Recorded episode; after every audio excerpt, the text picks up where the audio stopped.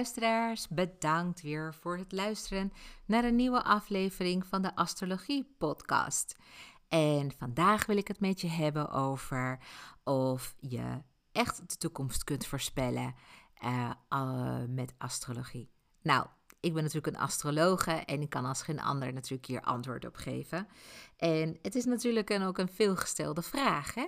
Van in hoeverre kun je dan in mijn sterren kijken? En wat zie je dan allemaal precies? En hoe doe je dat dan allemaal? En uh, kan ik dat ook? En uh, nou, kortom, uh, ik wil daar gewoon graag wat meer inzicht in geven. En wat dingen ophelderen, zodat het voor jou wat duidelijker is. Nou, allereerst is het zo dat je niet exact kunt voorspellen wat er gaat gebeuren, maar wel dat er wat gaat gebeuren en ook op welk levensgebied dat zich zal gaan manifesteren. Dat wil ik toch eerst even gezegd hebben. De vraag die ik dus ook vaak krijg is in hoeverre er sprake is van het lot of vrije wil. Nou, kijk, het lot ligt dus wel besloten in je geboortehoroscoop. Dat is mijn filosofie. Het, eh, de geboortehoroscoop eh, noem ik ook wel jouw blueprint. Dus dat wat je hebt meegekregen bij geboorte.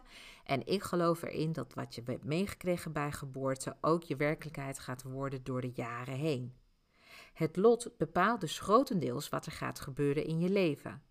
En het is echt waar, het is echt heel wonderlijk, maar wat jij in je leven zal meemaken, de leuke en de minder leuke kanten daarvan, dat staat zo goed als vast. Het manifesteert zich alleen allemaal door de jaren heen. Je krijgt het niet allemaal in één keer voor je kiezen. De kritieke punten in je horoscoop die worden namelijk geraakt door draaiende planeten in het universum. En die hebben zo hun eigen tijd. Er komt bij het passeren van die planeten energie bij kijken, wat je niet, waar je gewoon niet aan kunt ontkomen, wat je ook doet. Het is gewoon, ja, het, het, is eigenlijk te vergelijken met de natuurwetten, zoals de zwaartekracht. Dat, daar kun je ook gewoon niet aan ontkomen. Je weet dat je gewoon nooit zult gaan zweven in de lucht. Dat je de voeten op, gewoon op de grond houdt. En een andere uh, natuurwet is ook dat oorzaak leidt tot actie en actie leidt weer tot reactie.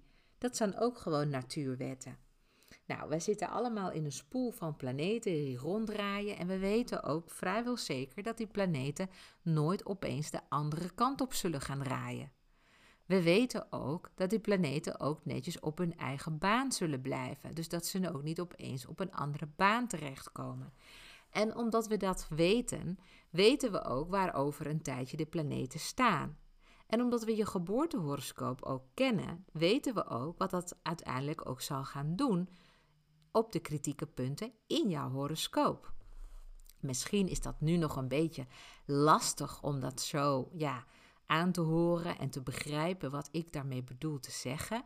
Soms is het beter om het visueel te maken, want dan is dat duidelijker. Als je het eenmaal ziet, dan ga je dat ook gewoon begrijpen.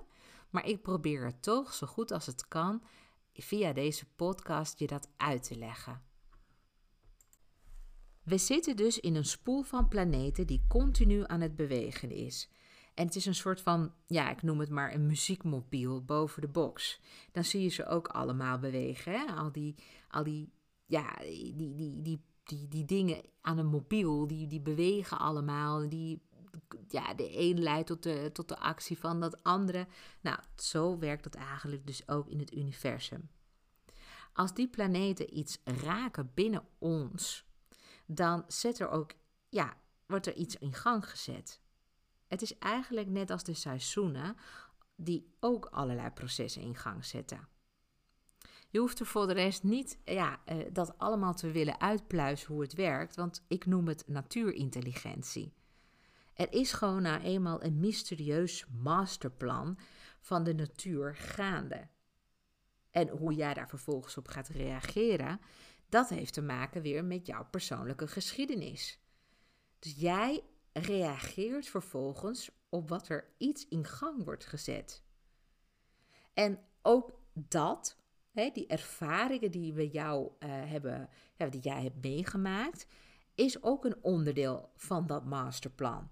En het is een masterplan binnen in jou gaande dat uitgewerkt wil worden. je kunt het eigenlijk vergelijken, zeg ik zo, met, met je haargroei. Hè? Je haar groeit en je haar valt uit en je haar groeit weer aan en dan wordt het weer grijs en dan valt het weer uit. Nou, dat is ook allemaal natuurintelligentie. Daar hoef jij niet over na te denken. Het gebeurt gewoon. Of wat dacht je van jouw lichaamcellen? Want wist je dat je over zeven jaar geheel op celniveau vervangen bent door nieuwe cellen? Geheel. Dus er staat gewoon een compleet nieuwe jij over zeven jaar. Daar hoef jij ook niet over na te denken. Nou, hetzelfde is met jouw psychische gesteldheid. Wat er zich bij jou psychisch ja, aan het voltrekken is, dus ik noem het maar een soort van innerlijke rijpingsproces, dat gebeurt ook allemaal zonder dat jij daarover na hoeft te denken. Dat is toch eigenlijk best wel gaaf. Nou, goed. Deze minutieuze natuurverschijnselen, daar hoef je dus niet over na te denken. Datzelfde gebeurt dus ook met de energie die jou bij geboorte heeft doorboord en vervolgens je leven lang getuned blijft met de cycli van de planeten in het heelal. Nou kan ik me voorstellen dat je denkt, Deb, ik ben je nu echt even kwijt. Kun je dat nog een keer herhalen? dus dat doe ik dan ook heel graag. Kijk, toen jij werd geboren, toen was er eigenlijk een soort van blueprint gemaakt. Je kwam los van je moeder en de planeten stonden op een bepaalde stand. Toen jij loskwam van je moeder, hebben die energieën jou doorboord. Die hebben als het ware een blauwdruk achtergelaten in jouw psyche. En dan denk je, ja, hoe kan dat nou? Ja, dat kan, want jij bent onderhevig aan de natuur. Je ontkomt er niet aan. En dat, zo werkt dat. En die blueprint is eigenlijk een map wat zich gedurende jouw leven, en we gaan ervan uit dat je minstens 100 wordt, maar over een periode van 100 jaar uiteindelijk ook zich zal gaan voltrekken, gaat manifesteren. Dus je gaat ook dingen meemaken die passen bij hoe jij ontworpen bent door de natuur zelf. Dus die planeten die blijven bewegen, vandaag de dag ook nog. Dus terwijl jij hierna aan het luisteren bent, zijn die planeten ook op dit moment hard aan het werk. Daar hoef je ook niet over na te denken. Maar hun energie komt wel op jou af, gaat dwars door je heen. Net als eigenlijk uh, de energie van mobieltjes. Dat gaat ook dwars door je heen. Daar weet je ook niet hoe dat allemaal kan en dat het werkt. Maar we weten wel dat het werkt. Dus energie gaat nou eenmaal dwars door ons heen. Um, kijk, die energie die dwars door jou heen gaat en iets met jou aan het doen is, zorgt ervoor dat de dingen binnen jou geactiveerd worden die liggen te sluimeren tot het juiste moment. Dus wanneer er dan net zo'n transit komt en die komt dan nou bam op een juiste moment, dan, ja, dan explodeert er iets binnen in jou en dat wil dan op dat moment iets gaan doen. Een actie of iets leren of een uitdaging op zich nemen. En dat noemen we ook wel gewoon karaktervorming. Want je karakter vormt zich juist door al die dingen die jij meemaakt en hoe jij er vervolgens weer mee omgaat. Dus dat wat jij meemaakt, dat brengen de planeten vandaag de dag. En hoe je daarmee omgaat, is hoe jij ontworpen bent bij geboorte. Door de tijd heen leer jij ook jezelf gewoon kennen, want je ja, je leert bijvoorbeeld dat je met tegenslag kunt omgaan. Je leert ook om je creativiteit in te zetten. Je leert ook om lief te hebben. Je leert ook om los te laten. Je leert om te verbinden. Je leert om te verzorgen. Dat zijn allemaal dingen die in je horoscoop besloten liggen. En ook de manier waarop je dat zal gaan doen. Ligt er ook in jouw eigenlijk platte grond, in jouw blueprint, in je handleiding of hoe je het ook maar noemen wil. Het is daar en het wil tot ontwikkeling komen. En dat gaat ook gewoon gebeuren door de jaren heen. Je blijft niet stilzitten. Net als ieder cel in jouw lichaam gewoon doorgaat met ontstaan, groei en verval en weer een nieuwe fase. Zo gebeurt dat dus ook met de psyche. Wat dus eigenlijk indirect ook betekent dat jouw persoonlijke invloed die je hebt op jouw keuzes heel gering is. En Kijk, er is wel speelruimte. Jij kunt wel dingen besluiten en beslissen en je kunt alles doen wat je maar wil. Maar je blijft wel altijd binnen het masterplan. Begrijp je dat? Er is dus wel een masterplan en daarbinnenin heb je bewegingsruimte. Het is hetzelfde als van: ik stop je in een stad. En wat je in de stad gaat doen, dat moet je zelf weten. Maar dat je in deze stad zit, dat is een gegeven. En dat je dingen gaat meemaken in deze stad, dat is ook een gegeven. En dat deze stad water heeft en misschien een berg heeft en dit heeft en dat heeft. En dat je dat gaat tegenkomen, is vrijwel zeker. Want je leeft nou eenmaal in deze stad. Maar wat je precies gaat doen, ja, dat ligt gewoon aan de energie en de impuls die je dan op dat moment voelt. En dat komt op een bepaald moment. Dus het kan heel goed zijn dat iets wat jij nou, misschien wel latent ergens voelt, pas over een paar jaar een keer echt naar buiten zal komen. En bij iemand anders is dat al veel eerder gebeurd, want iedereen is anders ontworpen van binnen. Nu zul je wel denken van, hé, hey, maar eh, hallo, uh, ik heb geleerd dat ik gewoon uh, heel veel keuze heb en alles zelf wel bepaal. Maar um, wat ik wil zeggen is dat jij denkt dat je heel autonoom bent, dat je dus eigenlijk heel erg vrij bent in dat wat je kunt doen. En dat is tot op een zekere hoogte ook zo. En wij denken allemaal dat we het centrum zijn van het universum. Dat zijn we ook voor onszelf. Maar we zijn het natuurlijk niet als je dat beziet vanuit de mensheid, vanuit de aarde en vanuit het zonnestelsel. Want wie is nou het centrum van het universum? Niks. Niemand. Maar voor onszelf voelen wij dat wel. Want binnen in ons vindt er ook een soort van micro-universum plaats. Ik weet niet of je wel eens die tekenfilm kent van um, of een, of een, een leven. En dan, dan, dan ga je dus eigenlijk het lichaam in en dan word je getransporteerd zeg maar door de cellen heen. En dan kun je zien hoe alles met elkaar samenwerkt, hoe een zenuwcel een signaal afgeeft aan een andere zenuwcel en dat het vervolgens via de ruggenmerg weer naar boven komt en dat je dan signaal in de hersenkamer krijgt, de centrale aansturing en dat dan vervolgens een actie gaat plaatsvinden en een ja, al dan niet een reflex komt of echt gewoon heel erg over na wordt gedacht, nu ga ik dat doen. Hè? Dat is een hele mooie manier eigenlijk om ook de kosmos te zien. Er worden ook gewoon dingen gewoon aangegeven en sommige dingen zijn reflexen. Dus al met al, wij zijn gewoon als mensen net waterdruppels die onderhevig zijn aan de stormen van de kosmos. En dat is eigenlijk heel erg fascinerend. Want ik leer jou eigenlijk op een andere manier te kijken naar jezelf, naar de essentie van jezelf. Maak de dingen niet veel groter dan dat ze zijn, want er is een veel groter masterplan gaande.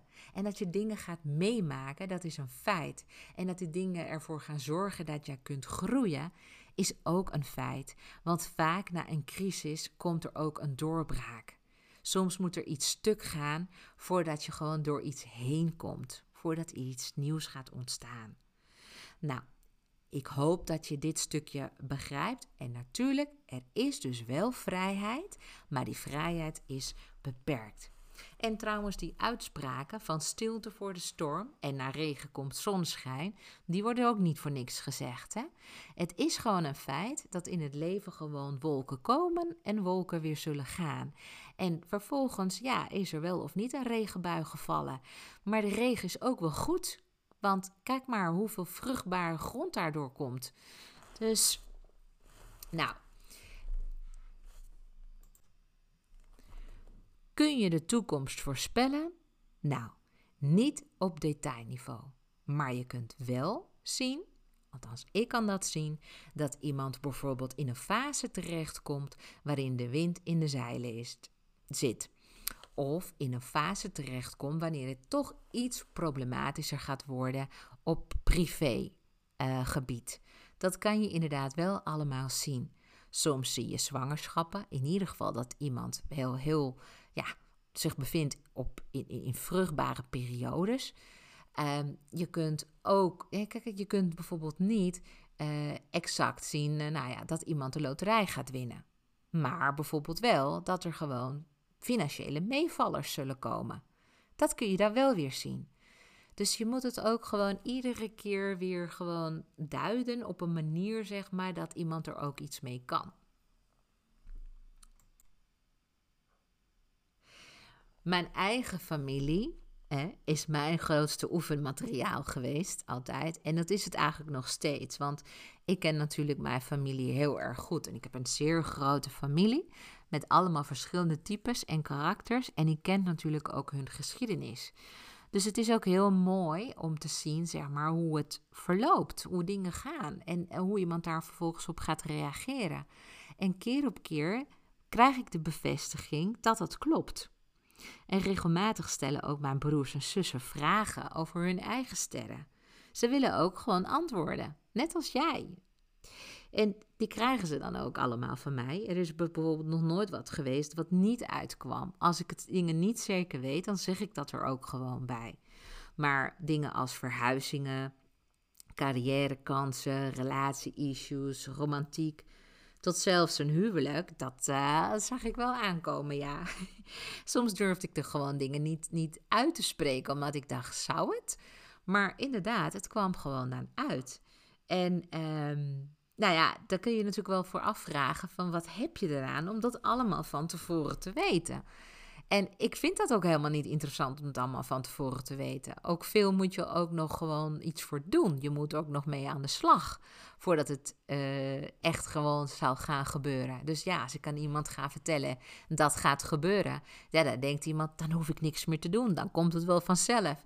Maar dat is natuurlijk niet zo. The job still needs to be done.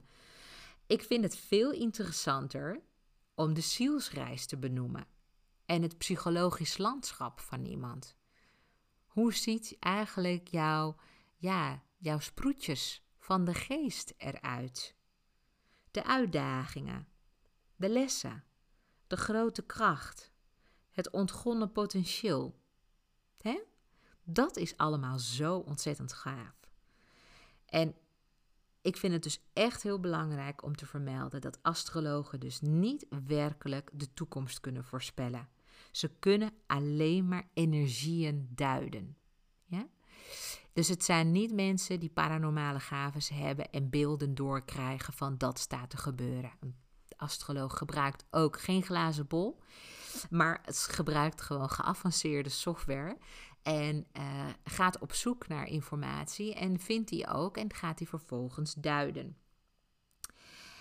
Uh, de enige grenzen aan die duiding zijn de grenzen van de creativiteit en voorstellingsvermogen van de astroloog zelf.